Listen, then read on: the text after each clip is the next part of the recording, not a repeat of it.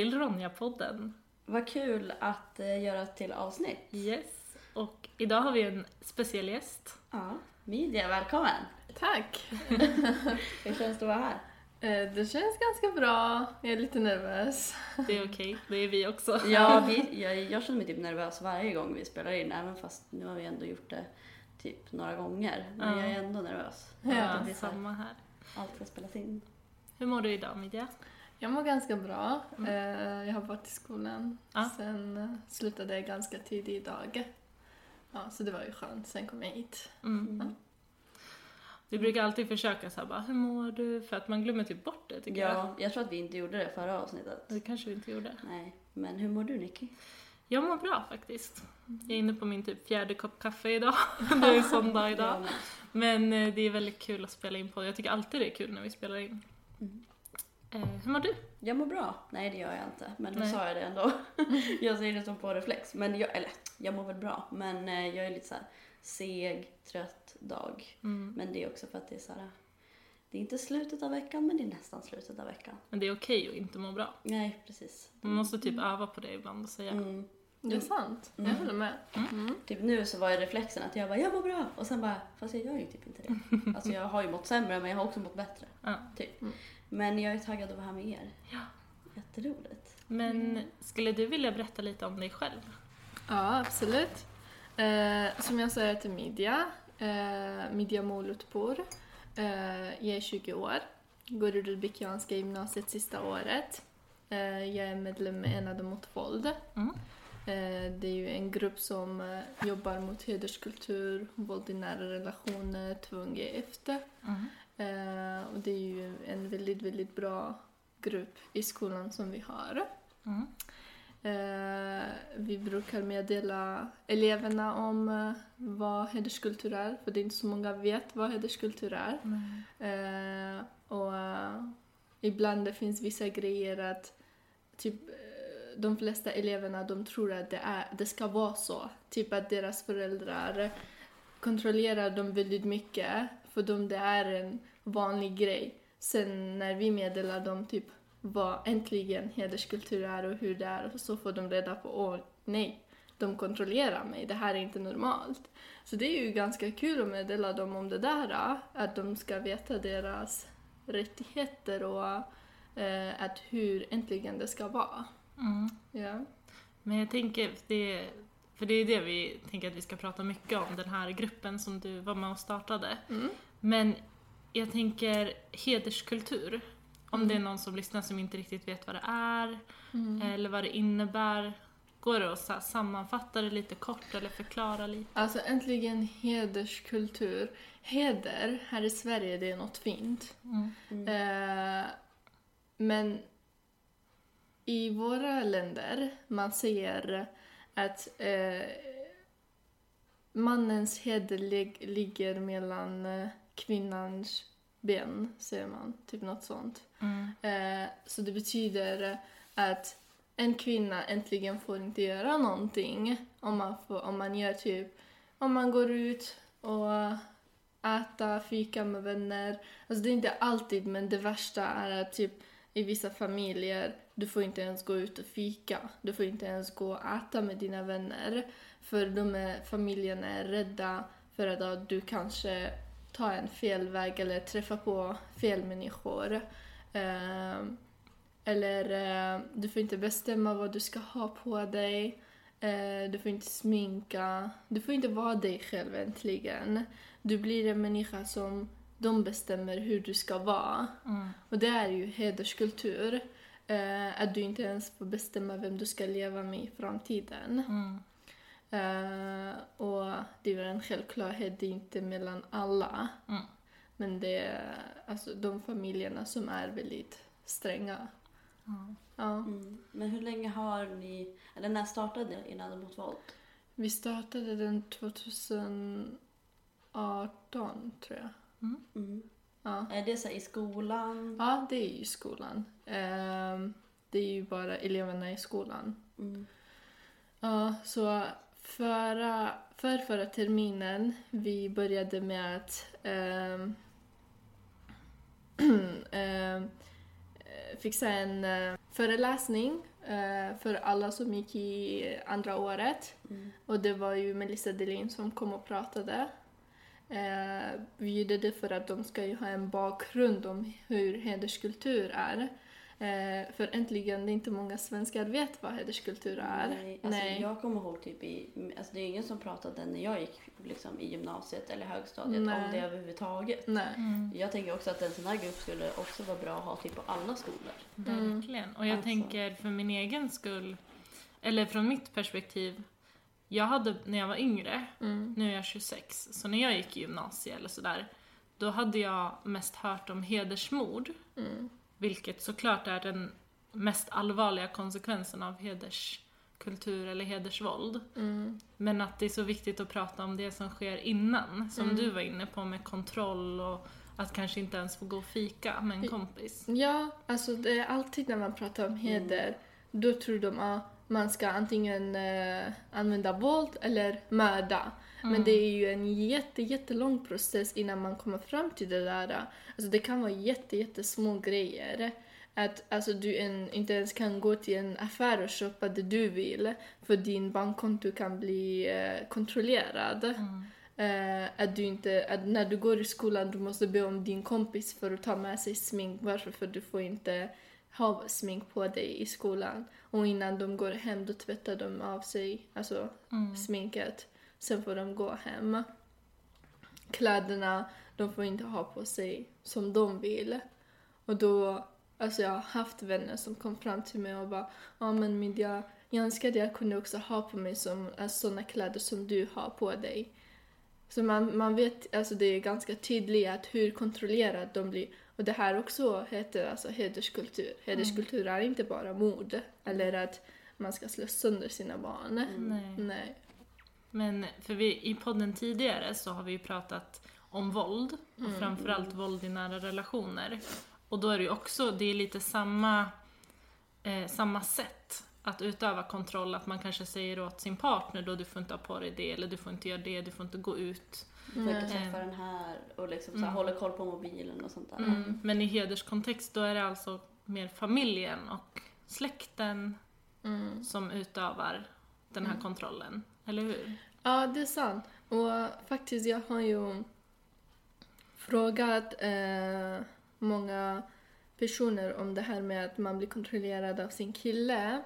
Och tyvärr, alltså det är ju det de här killarna har upplevt alltså, i så här, sitt liv när de var yngre. För de har ju lärt sig det där av de familjerna de kommer ifrån. Så det här kan vi också kalla för hederskultur.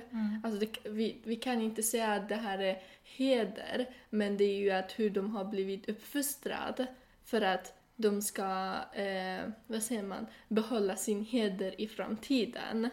Att hur de ska bete sig för att de ska ha ett bra heder eller att folk ska prata bra om dem. Eh, så äntligen, eh, de är också offer. Eh, för det är ju alltid så när, när du är bara två år och din pappa eh, reser till ett annat land och säger till en tvååring pojke ja, nu ska du ta hand om din mamma och din syster. Du, alltså barnet är bara två år. Ja, det är klart Vad ska han fatta? Ja, det är så när, när man är redan två år, man, ser, man hör såna grejer. Medan typ mannen ska säga till sin fru, ja, ta hand om våra barn tills jag kommer hem. Går de och säger till en tvååring pojke, självklart, alltså det påverkar dem. Så det här är ju inte heller deras riktiga, riktiga beteende, det är hur de har blivit uppfostrade. Mm. Och därför kan jag tänka att det är ganska svårt att bryta.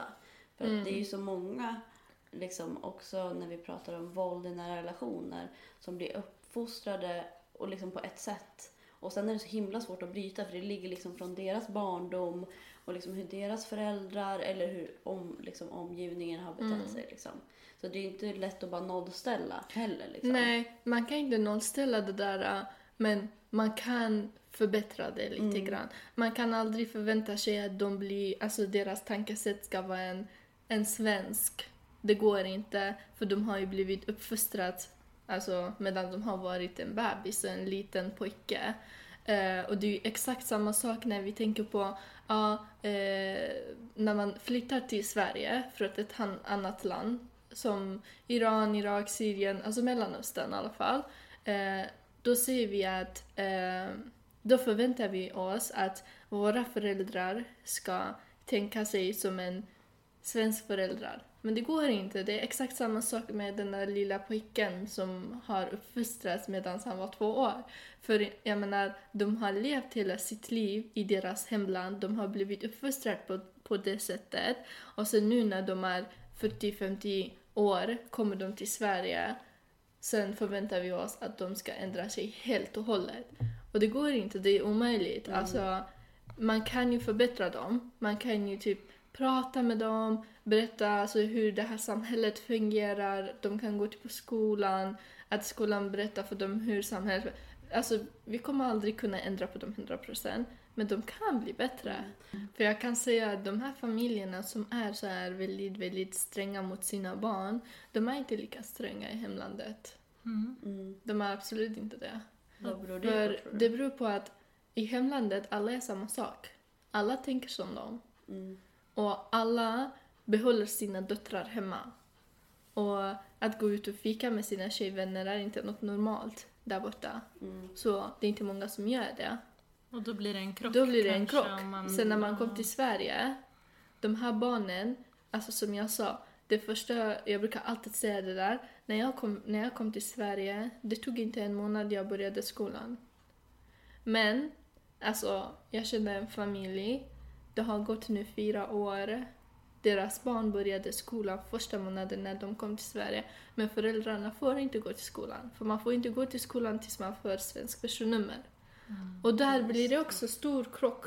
För barnen kommer in i samhället, de lär sig hur samhället fungerar, de lär sig hur svenska samhället är, de lär sig språket, de börjar jobba. Alltså, de, de ser hur det här samhället är. Mm. Medan den där familjen, alltså föräldrarna, är inne i huset och tänker exakt som de tänkte innan i hemlandet. Så där blir det också stor krock. Sen efter, vi säger fem sex år när de får sin eh, svensk personnummer, Mm. då börjar de gå till skolan. Och där blir det också krock, för de börjar jättesent medan barnen har kommit en bit Mm. in i samhället. Och då börjar för föräldrarna alltså, börja lära sig språket och komma in i samhället och jobba. Så det blir ju ett stort problem. Mm. Mm. Och vissa kvinnor får inte ens gå och plugga av sina män. Mm. Så då är de kvar hemma. Och vissa, vissa män, alltså de vill inte ens lära sig språket här. De vill inte ens jobba. Mm. Och jag tänker också när det går så fem år också av att inte kunna göra någonting. Då är det klart, tänker jag, att det blir svårt sen när man ska in, alltså efter fem år. Att liksom börja gå i skolan och liksom, då har den där krocken redan skett. Liksom. Ja. Exakt. Ja, där tänker jag att samhället måste ta ett mycket större ansvar. Det har jag, det har jag sagt hundra gånger att Mm. eh, Migrationsverket borde lägga ett krav på alla som kommer till Sverige och söker asyl här att innan man får söka asyl här i Sverige man ska gå på en lång kurs, alltså tre månaders, alltså minst tre månaders kurs om hur samhället fungerar. Och alla måste gå på den där kursen för att få söka asyl här. Och varför ska det vara ett måste? För det är många män låter inte deras kvinnor gå på sådana kurser och lära sig språket och komma in i samhället. Och då blir de tvungna att gå på de där kurserna för de vill söka asyl här. Så det ska ju vara ett måste. Ja. Och vi kan tänka sådär, av tio familjer, vi kan inte tänka oss att alla tio kan ändra sig. Men av varje tio grupp, vi ser en familj ändrar sig, det kan bli en stor skillnad alltså i samhället. Men hur kommer det sig att du ville vara med och starta den här gruppen och att du arbetar väldigt mycket med den här frågan? Det, för jag själv kommer från en sån kultur och jag har ju upplevt det där jag, alltså själv personligen. Ehm, jag blev bortlovad medan jag var i min mammas mage. Eh, sen, jag har aldrig haft en barndom för jag blev väldigt kontrollerad av min, inte av mina föräldrar, träffas av min eh, farbror som Mm. var äldst i släkten och bestämde över hela släkten. Eh, och där borta hade jag samma liv som de där unga tjejerna som har här. Eh, jag fick inte ta på mig vilken kläder som helst. Jag fick inte ens, jag var ju sju år, sju, åtta år. Jag fick inte ens gå ut och leka med mina vänner. Jag var, så jag blev, alltså jag var tvungen att bete mig som en alltså, vuxen person medan jag var ju en litet barn. Jag fick ta, alltså, lära mig hushållssaker, hur tar hand om man eh, gäster och hur man ska vara och hur ska man vara den perfekta fru. Så jag själv upplevde detta eh, innan jag kom till Sverige och det var ju väldigt svårt tills jag fick ta mig hit. Um, och då tänkte jag mig, alltså det är ju Sverige. Det finns absolut inget sånt här i Sverige. Alla är fria, alla bestämmer för sig själva. Alla får bestämma vem de vill gifta sig, de bestämmer vilken kläder de vill ha på sig, hur de ska bete sig. Helt ärligt, man har sina rätti alltså, rättigheter här i Sverige. Eh, sen kom jag hit, eh, började jag språkintroduktion. Då lärde jag mig språket.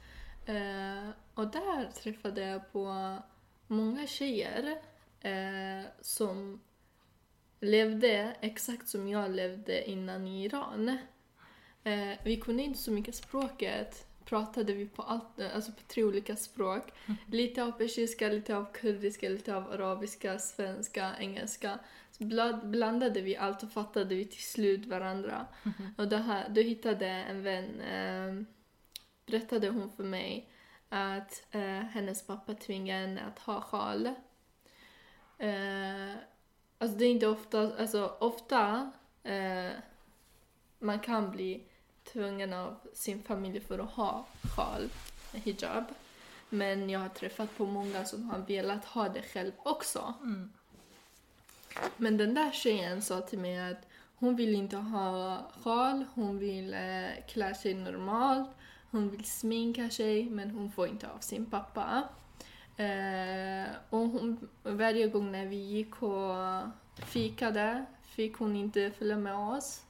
Eh, varje dag efter skolan hon åkte hem direkt eh, och tog, hon tog den där bussen som kom direkt efter när vi slutade. För om hon var försenad, då skulle hon, alltså fem minuter, tio minuter, då skulle hon få, eh, vad säger man, eh, frågasätta av sin pappa varför hon har varit försenad fem tio minuter.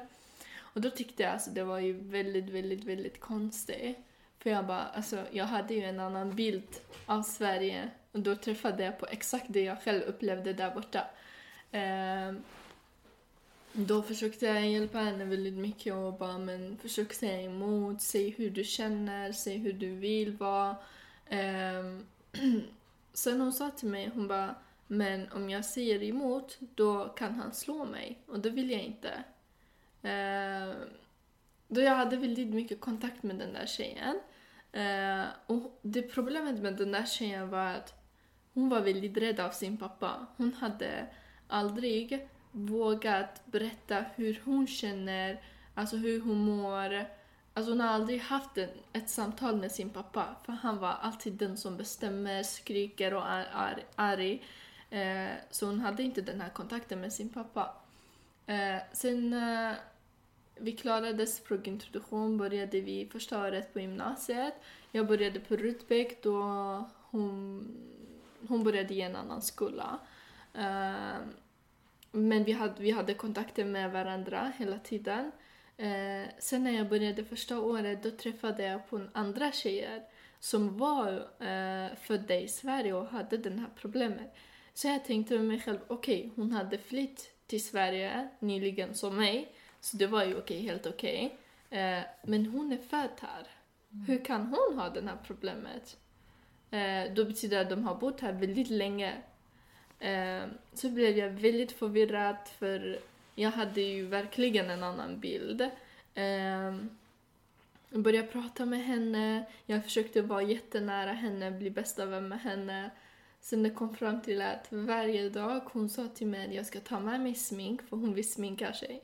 Så varje dag, en timme innan vi började, jag gick till skolan och hon kom och hon sminkade sig i toaletten. Och efter vi slutade, hon gick och tvättade sig, äh, tvättade ansiktet och åkte hem.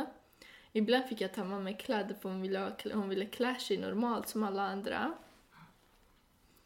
Så jag var så, alltså, varför ska det vara så? Alltså varför ska de här tjejerna gå igenom allt detta? Varför ska man inte vara sig själv? Varför ska man inte kunna ha på sig de där kläderna man vill ha på sig?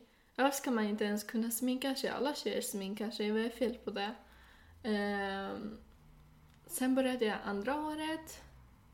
Uh, då kom fram det här med enade mot våld. Det var ju uh, minnesdag för uh, Fadima. Mm. och då träffade jag på Sara. Det, det, hon är HFU-ledare. Eh, då, sa hon, då satt jag och kollade på de här böckerna och läste om dem och blev ännu mer förvirrad för det var ju mord, hedersmord. Mm. Så jag bara, alltså, va, va, va, Jag tänkte inte ens det där. Hur kan det här finnas här? Mm. Så jag frågade henne väldigt mycket och alltså, jag var väldigt så här förvånad, nyfiken och ville veta mer. Då sa hon till mig, hon bara eh, vill du komma till Enade mot våld? Vill du bli medlem? Då frågade jag vad är Enade mot våld? Så hon berättade, hon bara vi har startat den nyligen, alltså det var typ för två, tre veckor sedan. Så jag bara, ja det ska jag, jag vill jobba med det där. Så det var ju så jag kom in i Enade mot våld och sen jag fick massor med utbildningar, föreläsningar och kom jag ännu mer in i detta. Mm. Eh, så blev jag väldigt intresserad. Innan det ville jag alltid bli läkare. Men sen dess, alltså jag har velat jobba med det där väldigt mycket och bara, nej jag vill inte bli läkare, det här är inte min grej. Jag vill jobba med de här tjejerna, jag vill hjälpa alla tjejer och kvinnor och killar som lever under detta. För faktiskt, det finns killar också som lever under det. Mm. Uh, så det var ju så jag blev väldigt engagerad, men jag hade aldrig eh, vågat berätta om det jag hade upplevt. Eh, sen efter jag kom in i den där gruppen, vi var så nära alla i gruppen. Alltså, vi kände oss så trygga, alltså jag kunde berätta, prata om allt, de kunde prata om allt. Sen efter ett tag kom jag på, ah, att jag vill dela det här med mig, det jag har upplevt. För när jag kom hit, då jag lovade mig själv att jag ska lämna det som hade hänt mig eh, och inte ens tänka på det och gå tillbaka till det. Då betedde jag mig som en tjej som var perfekt, har aldrig haft en sån problem eh, och inte ens haft en sån familj. Den vanliga tjejen som, mm. alltså den perfekta tjejen. Vanliga perfekta tjejen. Eh, så varje gång jag träffade på de där tjejerna som jag berättade eh, jag sa aldrig att jag har upplevt detta. Jag hjälpte dem väldigt mycket. Jag försökte vara väldigt nära dem, men jag sa aldrig att jag själv har varit så som dem. Eh, sen när jag, var, när jag kom in i den där gruppen, vi fick mycket så här föreläsningar och sånt. Så jag tänkte på det väldigt mycket. Jag bara, jag ska prata med det där med någon. För det kändes väldigt tungt, jag ville ta ut det där. Jag vill inte alltså gömma den inom mig längre. Jag vill alltså gå ut med det där. Eh, så berättade jag för en av eh, våra lärare, våra kurator. Eh, och sen när jag berättade för henne, alltså det var ju så skönt för det kändes att hon fattade mig, alltså hon förstod mig. Hon visste allt, det kändes att hon visste allting. Men hon, hon gav mig en sån här eh, känsla att jag ångrade mig aldrig av att jag berättade. Sen eh, sakta men säkert hon hjälpte mig med att kunna gå ut med det där. Jag började berätta smått, smått till gruppen först, tills jag blev säker på mig själv. Eh, sen jag såg hur mycket gruppen stöttade mig. Sen eh, blev det en eh, barnpilotsdagen. Mm. Eh, det var ju det de ville att Enade mot våld ska eh, vad säger man, presentera sig. Och alla i gruppen var upptagen förutom jag. Och det var ju 200 pers där. Och då, var jag, alltså, då frågade de dig, de bara, du är den enda som är inte upptagen. Du måste komma dit och förklara alltså, vad gruppen är. Var det första gången Det var du första gången. För Ja. 200? För 200. ja. Jag, jag blev väldigt, väldigt rädd. Så jag stod där och jag hade 200 personer framför mig. Jag visste inte hur jag ska prata. Så började jag prata om eh, gruppen och hur vi jobbar, varför jobbar vi så, varför jag deltog i gruppen eh, och alla de där tjejerna som vi hade träffat på. Ehm, sen det kändes bara bra efter det. Jag bara, men alltså det är skönt att meddela det där till andra. Att lära andra om det där. För det är inte någonting som alla vet om. Eh, sen blev jag bjuden... Nej, sen träffade vi på... Sen Morgan Johansson kom till eh, Västerås. Mm. Och han kom och träffade oss i skolan för att veta vad gruppen är. Och där pratade vi väldigt mycket och jag är alltid när det kommer fram till de här eh, samtalen, då pratar jag bara på. För alltså jag skäms inte, jag är inte rädd för någon, jag bara pratar på och ser. Alltså jag försöker bara hela tiden ta fram det där ännu mer. Och då pratade jag och pratade jag. Eh, sen hade den där kuratorn berättade lite om min bakgrund till honom. Han är minister. Mm. Ja. Han är, ja, här bakgrund. han, är, han är nu migrationsminister tror jag. Och jag tror kuratorn hade pratat lite om min bakgrund till honom. Eh, sen det blev bara så att vi pratade och pratade. Sen han sa att jag vill bjuda in er till eh, regeringen. Mm. Jag vill prata med er mer. Och det var ju då jag kom på den där idén att Migrationsverket ska eh, det, först lägga in utbildning Ja. som krav innan man får söka asyl här. Eh, och sen han hade en eh, idé om den där eh, nya lagen om barnäktenskap som har kommit ut nyligen. Att om man har varit gift eh, innan 18 år i hemlandet, sen kommer man till Sverige, man får skilja sig här Ja. och så. Och då är den här idén han hade och sen han frågade oss vad vi tycker om det där och så. Så i alla fall med allt detta, jag kände att jag tycker om att prata om det där. Jag tycker om att meddela det där.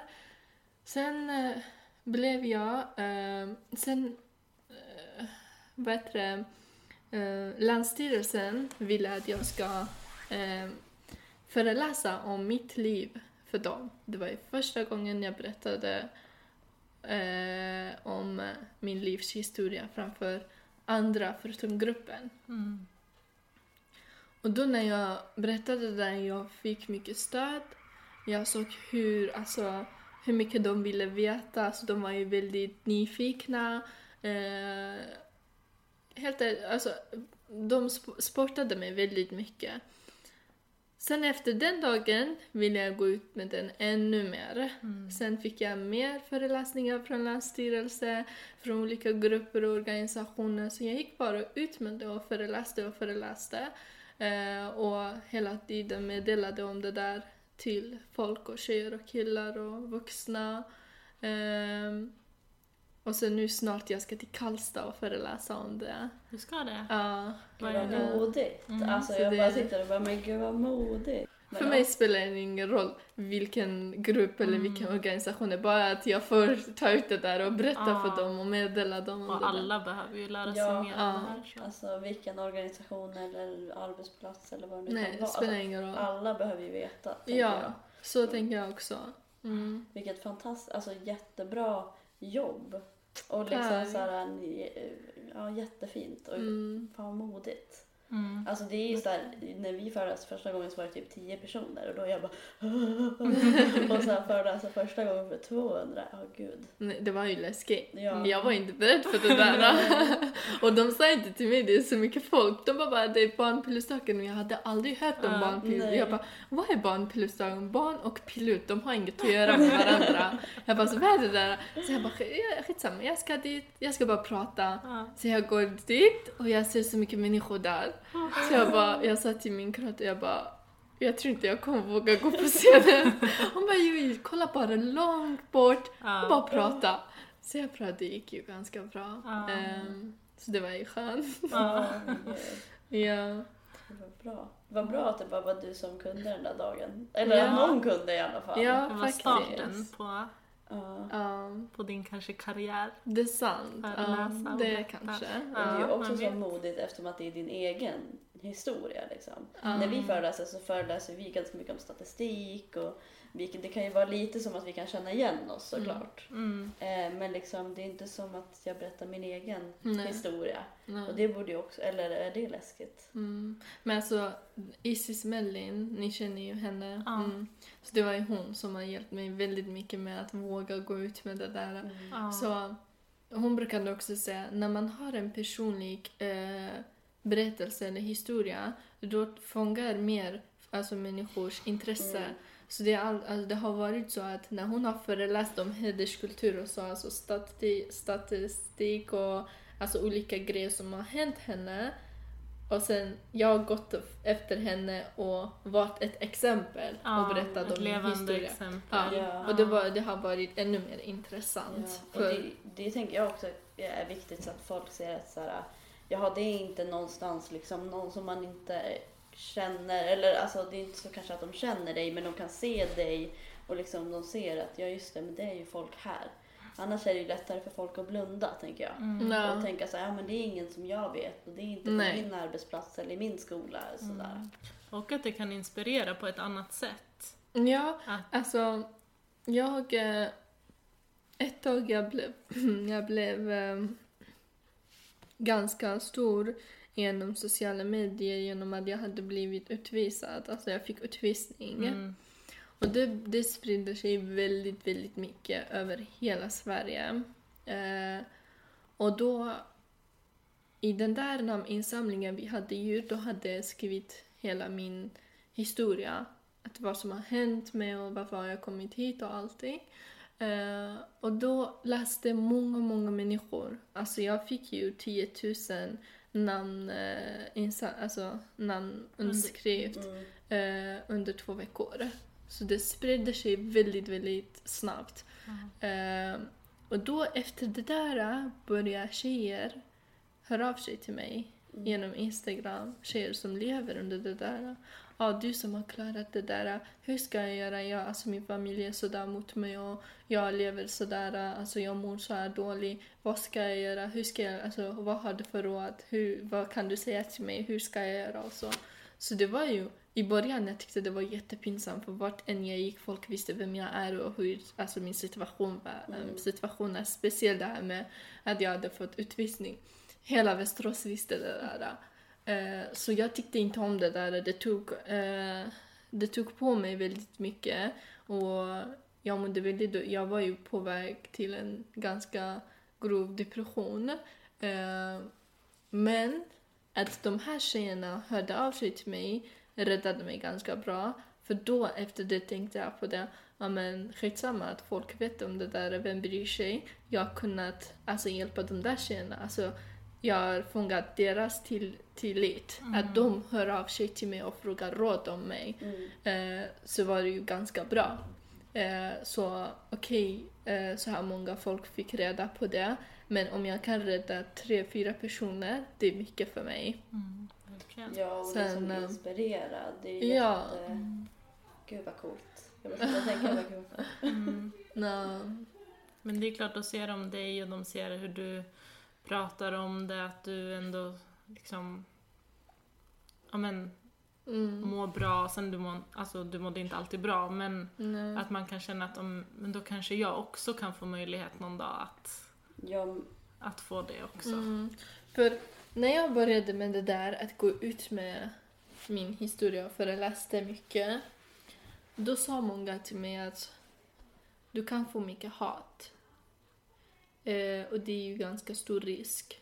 Eh, du kan få skit. Eh, folk kan stå emot dig. Folk kan säga, hota dig på saker och ting. Och de bara, vill verkligen göra det? Och då sa jag det där till dem. Jag bara, om vi alla är rädda för en sån grej, vem ska ta steget? Vem ska ändra på detta? mm, Alltså, jag får ta det. Alltså, jag tar risken och tar det där steget. Och jag tror inte någon kommer döda mig för att jag, kommer, jag föreläser om det där. Eh, och det är ju en ganska viktig fråga att man ska ta upp det där. Och jag tar det bara. Alltså jag tar risken. Det är lugnt. Och jag fick mycket hat och alltså folk som var emot mig och så. Men eh, det tog aldrig på mig. Alltså det, det ändrade ingenting. Mm. Alltså, eh, jag blev bara starkare och starkare av det där och fortsatte ännu mer när jag såg att det finns folk som är emot mig. Och då ville jag bevisa att eh, alltså, de har fel ännu mer. Eh, så det blev bara, alltså som, så jag tyckte det var bara normalt, det är Mm. okej. Men alltså alla har olika åsikter. Det finns alltid någon som är emot våra åsikter. Alltså Mm. alla kan inte hålla med dig, med mig eller med dig. Det är Så- precis, och det är jättemodigt att så här, du är den då som så här, vågar göra det. Mm. För det är ju också jätteläskigt, tänker jag. Att så här, vara den som, som vågar så här, ta steget fram. När alla säger bara, "Ja, men det är läskigt, eller tar ett steg tillbaka. Mm. Så att, gud vad coolt. Och vissa har inte möjlighet att höja sin röst Nej. och Nej. berätta om Nej. det är en farlig situation eller Ja. Så. Så det är inte alla som har den. Jag tänkte Enade mot våld, Mm. den gruppen, det är hedersvåld och förtryck ni jobbar med. Jobbar ni med flera olika sorters Alltså, våld? Eller? Hederskultur, Ja. våld i nära relationer, Ja. tvångsgift och könsstympning. Ja. Så Mm. det är väldigt brett på det sättet. jag tycker att alla skolor borde ha en sån grupp. Ja, verkligen. Alltså för att det känns inte som att, alltså precis som du sa i början, som ni sa i början, att det, man har mycket om så här hedersmord. Men allt det andra är ju liksom, pratas inte alls om, Mm. tänker jag. Mm. Så att, så här, det jag går ju egentligen ner bara till våra mänskliga rättigheter, att få Mm. vara Mm. den vi vill vara. Vissa skolor är rädda att ta, alltså, ta upp det där. Mm. De är rädda för hur elevernas föräldrar kanske reagerar. Mm. Mm. Eh, Och Jag tänker typ att det är skolans ansvar också lite grann att göra det.